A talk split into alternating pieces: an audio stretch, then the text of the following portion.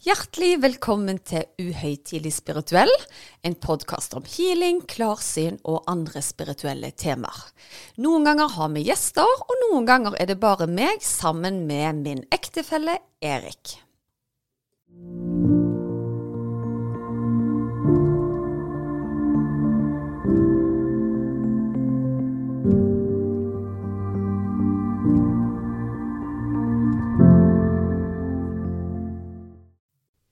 Ja, Hjertelig velkommen til en ny episode av Uhøytidelig spirituell. Og du Susanne, du er klar?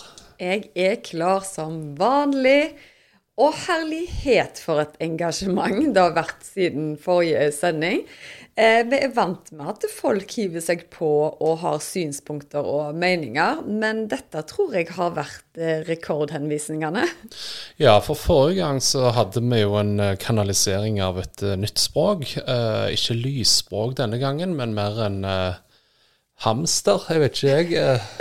det, var, det var egentlig et naturspråk som kom igjennom.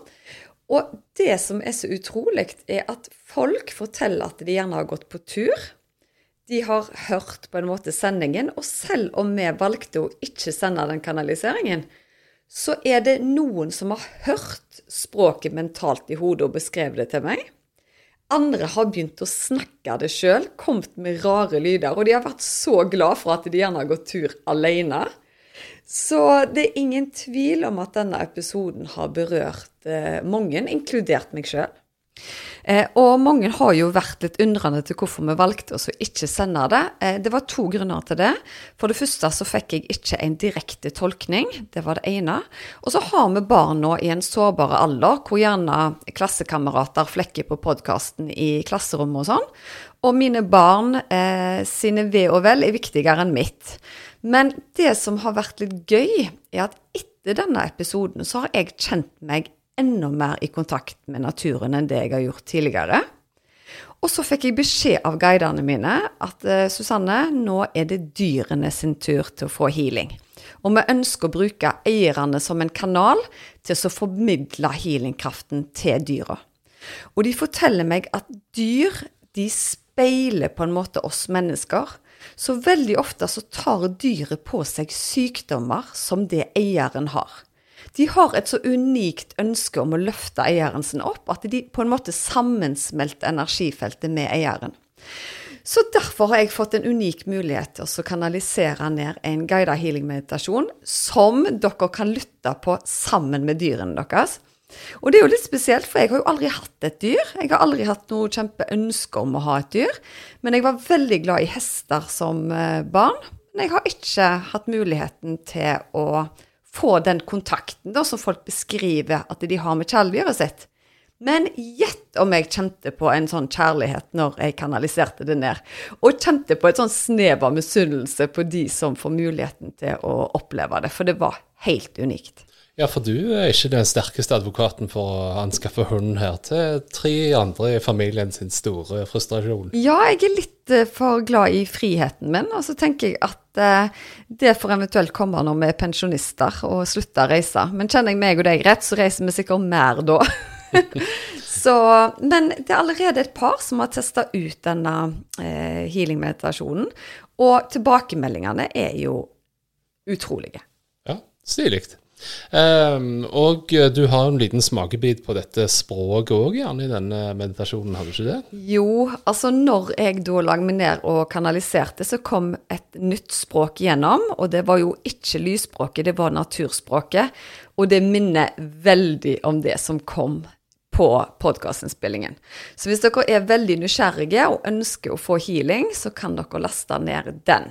Og det er jo ikke sånn at fordi om man er lagd for eh, dyreeiere og deres kjæledyr at det ikke vil gi healing til bare deg som person, men det er en unik mulighet for å oppnå en dypere kontakt med din gode venn i dyreriket. Ja, det er jo ingen tvil om at uh, eh, det er en spirituell utvikling her, og du uh, merker jo sjøl òg, som uh, vi opplevde her hjemme, at du gjerne utvikler deg på andre områder òg. for her om dagen så hadde faren min mista mobilen. Ja, det er jo kjempegøy når eh, det skjer. Ikke at han mister mobilen, men da ringer de til meg, er veldig fortvila. For de mener at eh, min svigerfar ved en feil mest sannsynlig har kasta mobilen i søpla med søppelposen. Og da får jeg bare bilder opp i hodet at de ligger ved ei rutete skjorte. Så det forteller jeg til dine foreldre. Å nei, de hadde leita hele huset, det var umulig, den var nok i denne containeren. Så sa jeg bare OK, det var jo kjempesunn. Legger på røret, og så går det nøyaktig åtte minutter, og så ringer de opp igjen. Vi har funnet mobilen oppå ei rutete skjorte inni klesskapet. Ja. Så, men det er jo ikke sånn uh, som du gjør til vanlig. Nei, altså jeg får av og til henvendelser om folk som ønsker at jeg skal finne ting. Det er jo ikke noe jeg jobber med i dag, men jeg pleier å være ganske god på det. Så ja, jeg har bl.a. en lytter som tok kontakten med meg for en stund tilbake, og hun hadde mista et ID-kort. Eh, Og da hadde jeg egentlig tenkt å si høflig at jeg tar ikke én til én og sånn, men så bare så jeg at det ID-kortet hadde falt ned mellom en kjøkkenvegg, og det er jo litt spesielt å miste noe ved en kjøkkenvegg.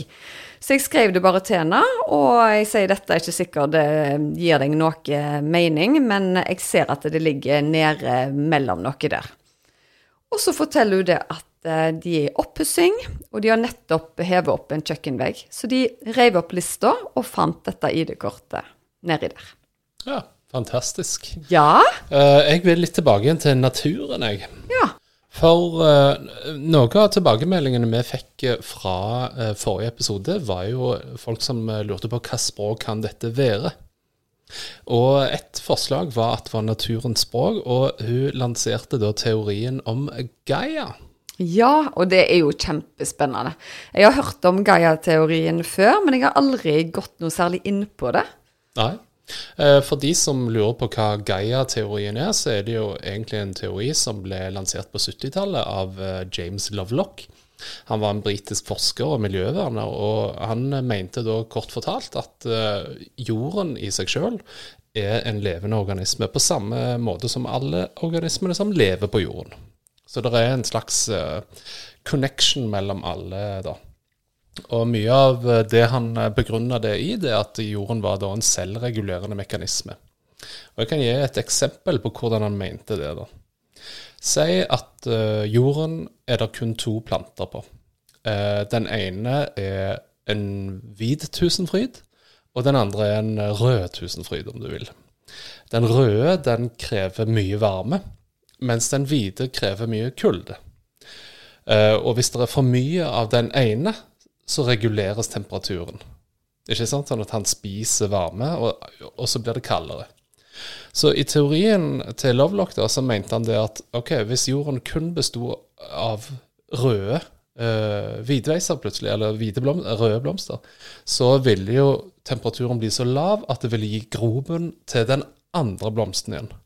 Som da ville varme opp eh, jorden. Og så ville det gro den andre blomsten igjen. Og på sånn måte så vil du i, i det lange løp finne en balanse, da. Ja. Og eh, hvis du går litt videre ut ifra det, så vil du se at det er liksom både rovdyr og plantedyr, og alt har på en måte en selvregulerende eh, effekt, da. Er det litt sånn som vi Altså, vi mennesker, vi består jo ikke bare av oss som mennesker. Vi er ikke bare en kropp. Vi er masse celler, vi er muskler, ledd, organer, blod. Alle disse tingene her. Og på lik linje da, så er på en måte jorda en levende organisme hvor vi er en del av dens indre liv, da.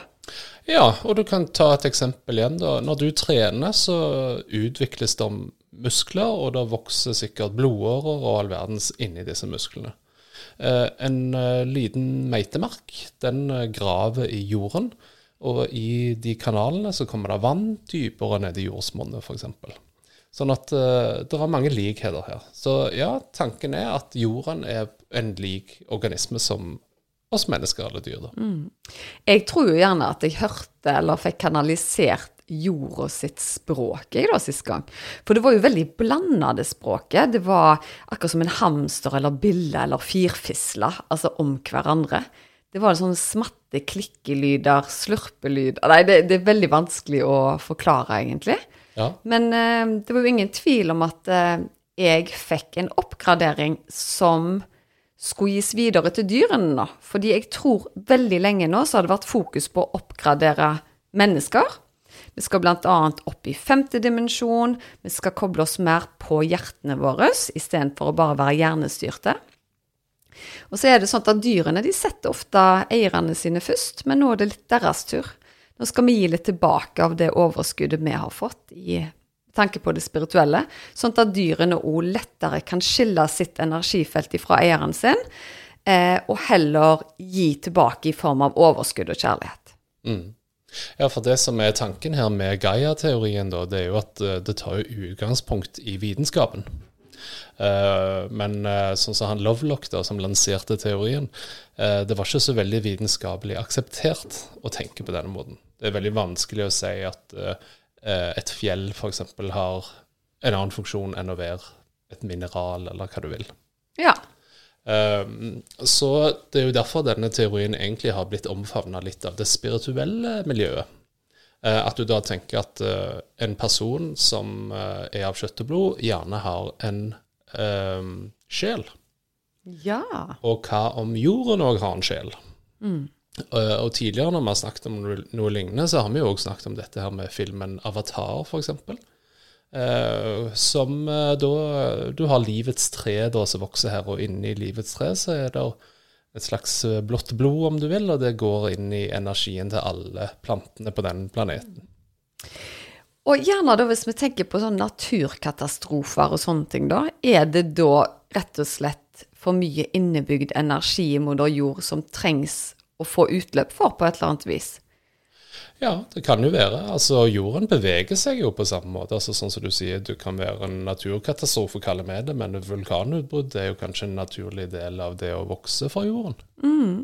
Samme med jordskjelv osv. Og, og gjerne forløse en del energi jo. Sant? De sier jo det at jeg er som en vulkan på innsida, jeg må få utløp for det. Ja. Og da sier det seg jo sjøl at eh, jorda tar jo imot mye fra oss alle. Så det er jo ikke rart at det må få utløp på et eller annet vis. Nei. Og hvis du går litt sånn tilbake igjen i tid, hvis vi tenker historisk sett, så er det jo historier rundt eh, Ja, la oss ta den um, Native Americans og aboriginals i Australia, f.eks. Uh, de omtaler jo som moder jord. Ja. Det er jo Mother Earth vi hører i alle, i alle sammenhenger. Så. Ja. Ok, Så hele hovedformålet her da bak dette her med å si at alt er kobla sammen, det er jo det at du skal opprettholde balanse, da. Mm.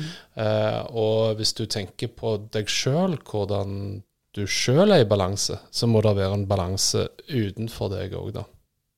Ja, for f.eks. lys og mørke, kaldt og varmt, lavt og høyt. Er det litt sånt du tenker på, da? Uh, ja, og det er jo effekten av det. Men hvis det er mangel på mørke, så må du jo ha en organisme som skaper lys. Og hvis det er for kaldt, så må du ha en organisme som skaper varme. Ja, kjempespennende, Erik. Og hvis du tenker det mot personlig vekst, da, så handler det jo om gjerne det at hvis du ikke har det så godt, eh, hvis du kan gjøre noe fint for noen andre heller, så plutselig begynner du gjerne å få det godt allikevel. Ja, og det har jo du vært litt inne på tidligere òg, dette her med livets hjul. Kan vi relatere det til noe i Gaia? Ja, du kunne jo alltid sagt at hvis livet består av disse kakestykkene vi har snakket om, f.eks. venner, penger, familie, helse, eh, karriere osv., osv., så, videre, eh, så krever det jo da at eh, du har en viss balanse mellom disse. Altså, du kan ikke jobbe 24-7. Da får det konsekvenser for de andre eh, elementene i livets hjul. Da. Og på samme måte med jorden òg, sånn som gjerne miljøforkjemperne har valgt å, å poengtere, da, så må det være en viss balanse mellom eh, forbruk og hva eh, jorden klarer å absorbere av dette forbruket. da. Mm. For det er jo ingen tvil om at mennesket har jo ikke vært så veldig snille med mora si, altså moder jord. Eh, det har jo vært eh, lenge nå hvor vi har vært litt egosentriske og gjerne ikke tatt vare på å forvalte naturen på den måten som vi burde, da. Og jeg tror kanskje det var ett år tilbake i tid hvor en av de første gangene jeg kanaliserte lysspråket på podkasten, da var det jo et veldig sånn rop om hjelp fra moder jord, husker du det? Ja, stemmer det. Og det som jeg husker var veldig spesielt, var at plutselig så gikk det til følelsene på meg. Sånn som bare jeg skulle kjøre bil, så fikk jeg dårlig samvittighet når jeg så at det var veiarbeid, f.eks. Det var akkurat som jeg følte følelsene til moder jord, om du vil. Og det var en skikkelig rar kontrast til sånn som jeg har levd tidligere. Og det var veldig intensivt i noen uker, men så avtok det litt igjen. For da var jeg ikke sånt i det. Ja. Nei, det er jo sånn med, med, endring generelt at du må ha påfyll hele tiden. Det er sikkert derfor de ønsker at du skal gå i, i kirken hver søndag, f.eks. For, eksempel, for å opprettholde budskapet. Ja, minne oss på det, rett og slett. Ja. Og nå har vi jo sånn, vi har hatt dette naturspråket nå, som jeg følte var veldig spesielt. Eh, men vi hadde jo den gangen når det var akkurat som ei desperate dame mor Ukraina, tror jeg du kalte henne den gangen, som kom inn som en sånn lyn fra klar himmel og bare snakket kjempefort igjennom meg. Og det var en hel sånn desperasjon på vegne av verden, på en måte. Ja. Men det jeg syns er litt interessant, da, det er jo egentlig å dra Nå snakket vi jo om at uh, gjerne denne Gaia-teorien kunne være uh, inspirasjonen til f.eks. filmer som uh, Avatar, da. Men det er jo paralleller inn mot eh, litt mer nærmere ting for oss. Altså I norrøn mytologi så hadde de jo dette Yggdrasil, som er verdens tre. Ja, stemmer. Eh, og eh, på en måte den symbolske betydningen der, da, da tenker de jo at det, det verdens tre det representerer forbindelsen mellom de ulike rikene i verden, inkludert både himmelen, jorden og underverden. Og dette har vi òg hatt en egen episode om. Ja, den var jo så spennende når både meg og deg kom i kontakt med kraftdyr og dette. Ja, stemmer. Og det morsomme med både liksom Yggdrasil og Gaia-teorien, eller norrøn mytologi, det er jo det økologiske aspektet med at du skal ta vare på, på jorden du bor i, og eh, at det skal være en balanse. Eh, men det var én liten ting med eh, Når vi snakket om, eh, om Yggdrasil forrige gang, så kom vi inn på småfolket. Ja. Og uh, du mener jo gjerne at det kan ha en sammenheng med småfolk, dette med Gaia-teorien. Ja, fordi jeg var på badet i dag eh, og tenkte litt over det vi skulle snakke om, og vips, der så jeg en liten tass bak med skittentøyskorga på badet. Og det var bare et sånt lite sekund. Jeg ble bare bevisst på at han var der. Og så ga han meg litt informasjon, og så forsvant han igjen. Og da tenkte jeg med en gang herlighet, hvorfor kommer han nå når vi skal snakke om Gaia? For dette var jo akkurat i den tids, eh, eh tiden vi i dag skulle spille en podkast. Så da tenkte jeg at det må jo være en eller annen eh, sammenheng med budskapet vi prøver å utlevere og disse småfolkene, da. Ja. Litt interessant, for det, det badet er nærmeste rom til en svær stein vi har i hagen. Og den har jeg fått for meg at den må jeg ikke flytte på. Stemmer det. Og her hjemme i huset, og dette har vi fortalt før på podkasten, så er det jo du som føler du har sett sånne småfolk. Ja. Og det som er litt interessant, at eh, den beskjeden jeg fikk fra denne lille tassen, det omhandler jo deg. Det hadde ingenting med meg å gjøre. Og det er jo en litt sånn interessant link, at det er du som vanligvis ser dem, og nå hadde de en konkret beskjed til deg. Ja, spennende. Så, og det harmonerer jo litt med det som vi gjerne har hørt om her på Bergå òg, med nissene som gjerne er småfolk, og som ønsker å påvirke oss enten i positiv eller negativ retning. Enten ved å gjøre visse pek og diverse. Ja, det har vi jo hatt her i huset. Altså, jeg og datteren vår hadde jo leteaksjon etter noe på rommet, og vi begge hadde kikket i denne boksen, og så sier du nå går ikke jeg inn på rommet der, og så kikker jeg i den boksen, og så ligger det der. Og både jeg og datteren vår sier det er helt umulig. Du går inn, åpner boksen, og der ligger det rett oppi boksen. Og vi er jo ikke to stykker som klarer å kikke opp i ei lita eske, og den er tom. Og når du åpner den, så er det faktisk en store ting oppi der. Ja. Nei, det er sant, det. Men uh, for de som husker, så var vi jo òg på Island, og der var det òg en historie om småfolk. Uh, og det bekrefter jo bare liksom denne norrøne linken og småfolk. Og tanken her er jo egentlig at det foreligger et parallelt univers. Uh, som prøver å påvirke hverandre på et eller annet vis, og at Gaia gjerne da er en slags uh, guddommelighet i dette her, da. Mm. Og småfolkene, altså jeg tror uansett om du leser om de i eventyr, eller om du tror på de spirituelt sett, har sett de eller opplevd de, så er de nærmere naturen enn det gjerne mennesket, da. At deres visjon på en måte er å ta vare på naturen på en litt annen måte enn det vi har vært, vært bevisste på. Så jeg tror nok de er litt uh, lærere for oss der. Ja. Ja, du kan jo tenke deg som hvis du kutter ned et uh, tre i hagen, da. Så er det jo mange organismer som bor i dette treet. Mm. Alt fra lus til edderkopp til fluer og fugler og osv. Og, og eh, hvis du tenker at uh, et tre er uh, litt større, så kan det jo være at folk bor under dette treet, og sånn fortsetter det.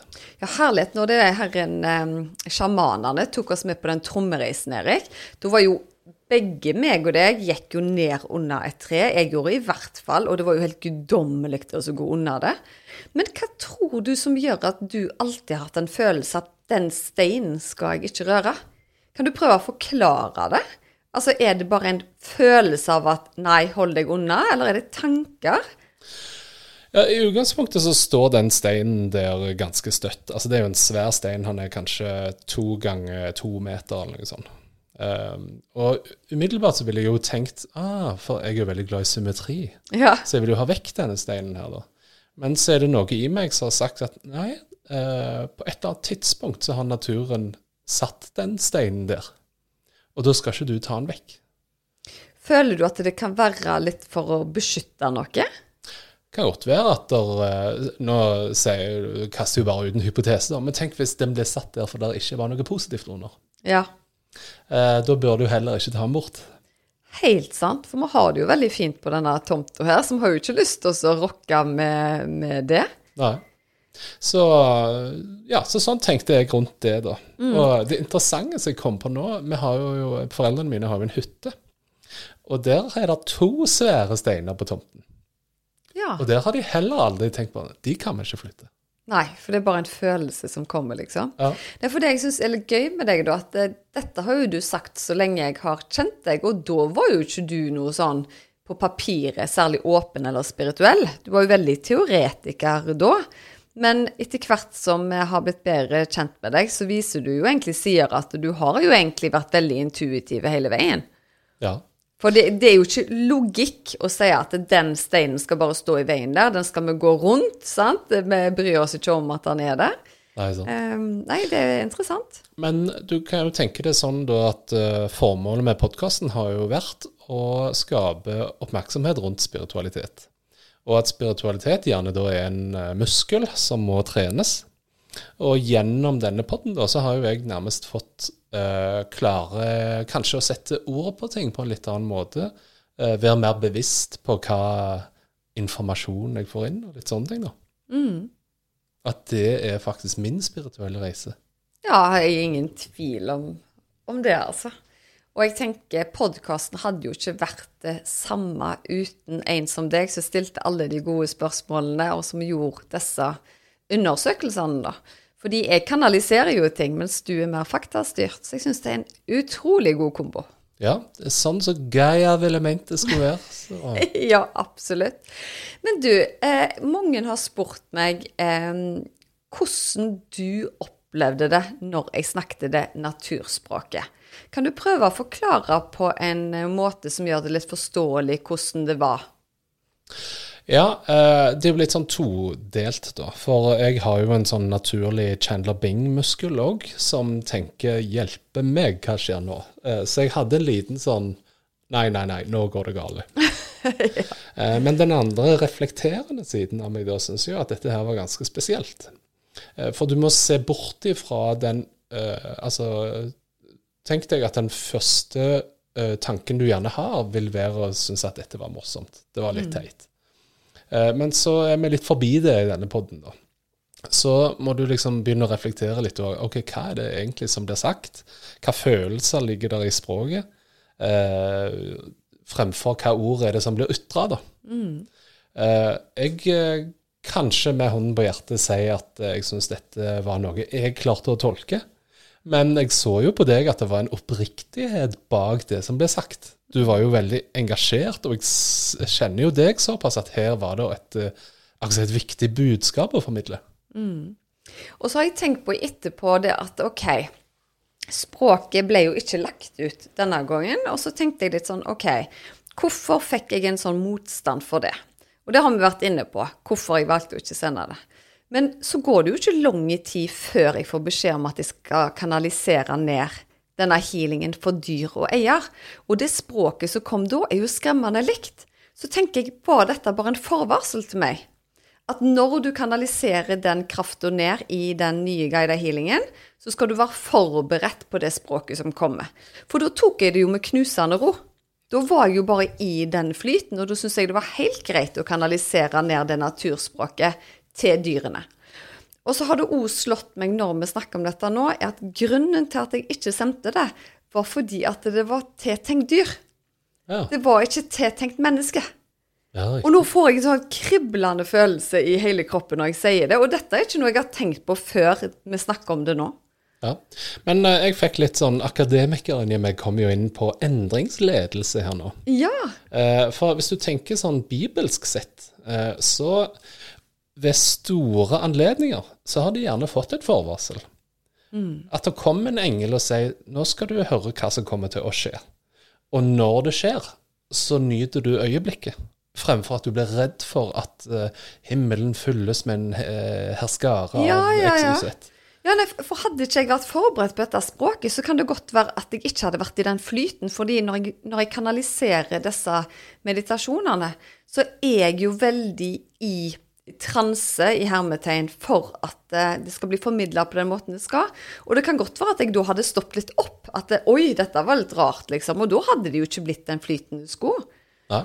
Men eh, nei, det var Veldig spennende. Ja. Jeg husker jo når vi leste Håvamål på skolen, at eh, se deg bak døren før du går inn i rommet. Og Ja. det er vel kanskje måten du lærer på det. Altså du, du vet hva du går inn i rommet til, da. Ja. Så jeg håper dere som har lasta den ned og spiller den av sammen med dyrene deres, tar kontakt og gir meg en tilbakemelding hvordan dyrene deres responderer. For jeg kjenner det bare krible i magen med tanken på at vi nå kan få en enda sterkere forbindelse mellom eier og kjæledyr. Ja, veldig spennende å høre om. Eh, Jeg håper at du har blitt litt klokere når det gjelder Gaia og balanse, og hvordan eh, mennesker og natur henger sammen. Ja, vi blir i hvert fall litt klokere for hver uke med. Og nå er det faktisk sånn at vi skal ta en liten podkastpause fordi det er høstferie, og jeg skal ta en liten operasjon. Ingenting dramatikk, men jeg må igjennom igjen. Ja, så da ses vi ikke, eller høres ikke før om en to ukers tid. Ja, men det klarer vi. Og jeg vil anbefale dere å gå tilbake og lytte til de tidligere lysspråkene vi hadde i tidligere sesonger. For da kan dere kanskje finne en litt tilbake til tråden i hvor det hele starta. Ja, og prøv å tenke på Gaia mens mm, dere eh, lytter. Absolutt, altså. Veldig bra. I mellomtiden så blir det ferie, og så får vi se om det er noen nye sprell fra disse småfolkene. Ja, det blir utrolig gøy. Og hvis det er sånn at den beskjeden den lille tassen hadde til Erik stemmer, så skal vi heller holde dere oppdaterte på hva som skjer der. Ja, ok. Da tenker jeg vi takker for i dag. Tusen takk for at du var med oss, og vi håper som alltid at både horisont og strek i sanden har blitt eh, litt videre. Jeg beklager, Erik, men det er en som vil si noe gjennom meg nå. Ja. Jana aitu aika nata vuto aili tiji nai aiku vudu ukantandi villa aiti nai tudi i aiki ti si nai ti vala aichi kunta vala ai nu vudu kuna aiti aia. Zanai vili uchi ti na kaiti vili iti vuntu kuni aili dani aichi tu ila ai.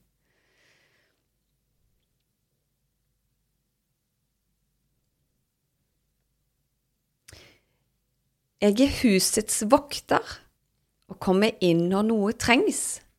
Jeg ser deg følge med deg. Jeg har vært der i lang, lang tid.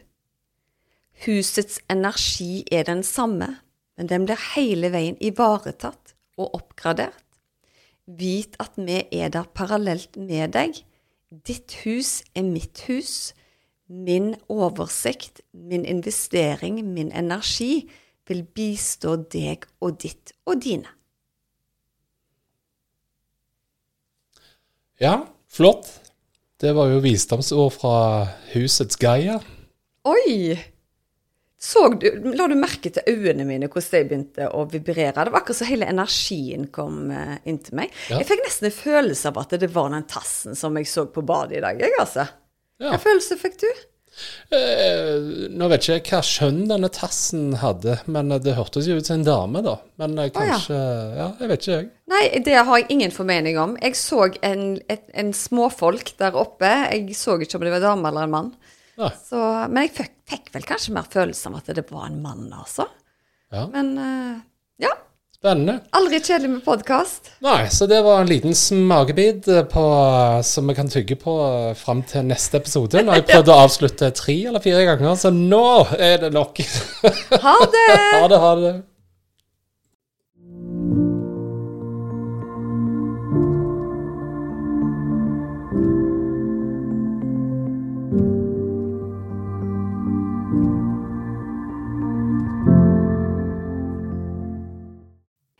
Visste du at du kunne ta kontakt med meg hvis du ønsker å få satt opp en personlig healingplan? Da er det bare å kontakte meg via Instagram eller på e-post, så gjør jeg det helt kostnadsfritt. Da er det mye lettere å vite hvilken healing du skal velge, til hva tid du skal bruke den, og hvor mange uker du bør benytte deg av deg. Gå inn på healersusanne.com.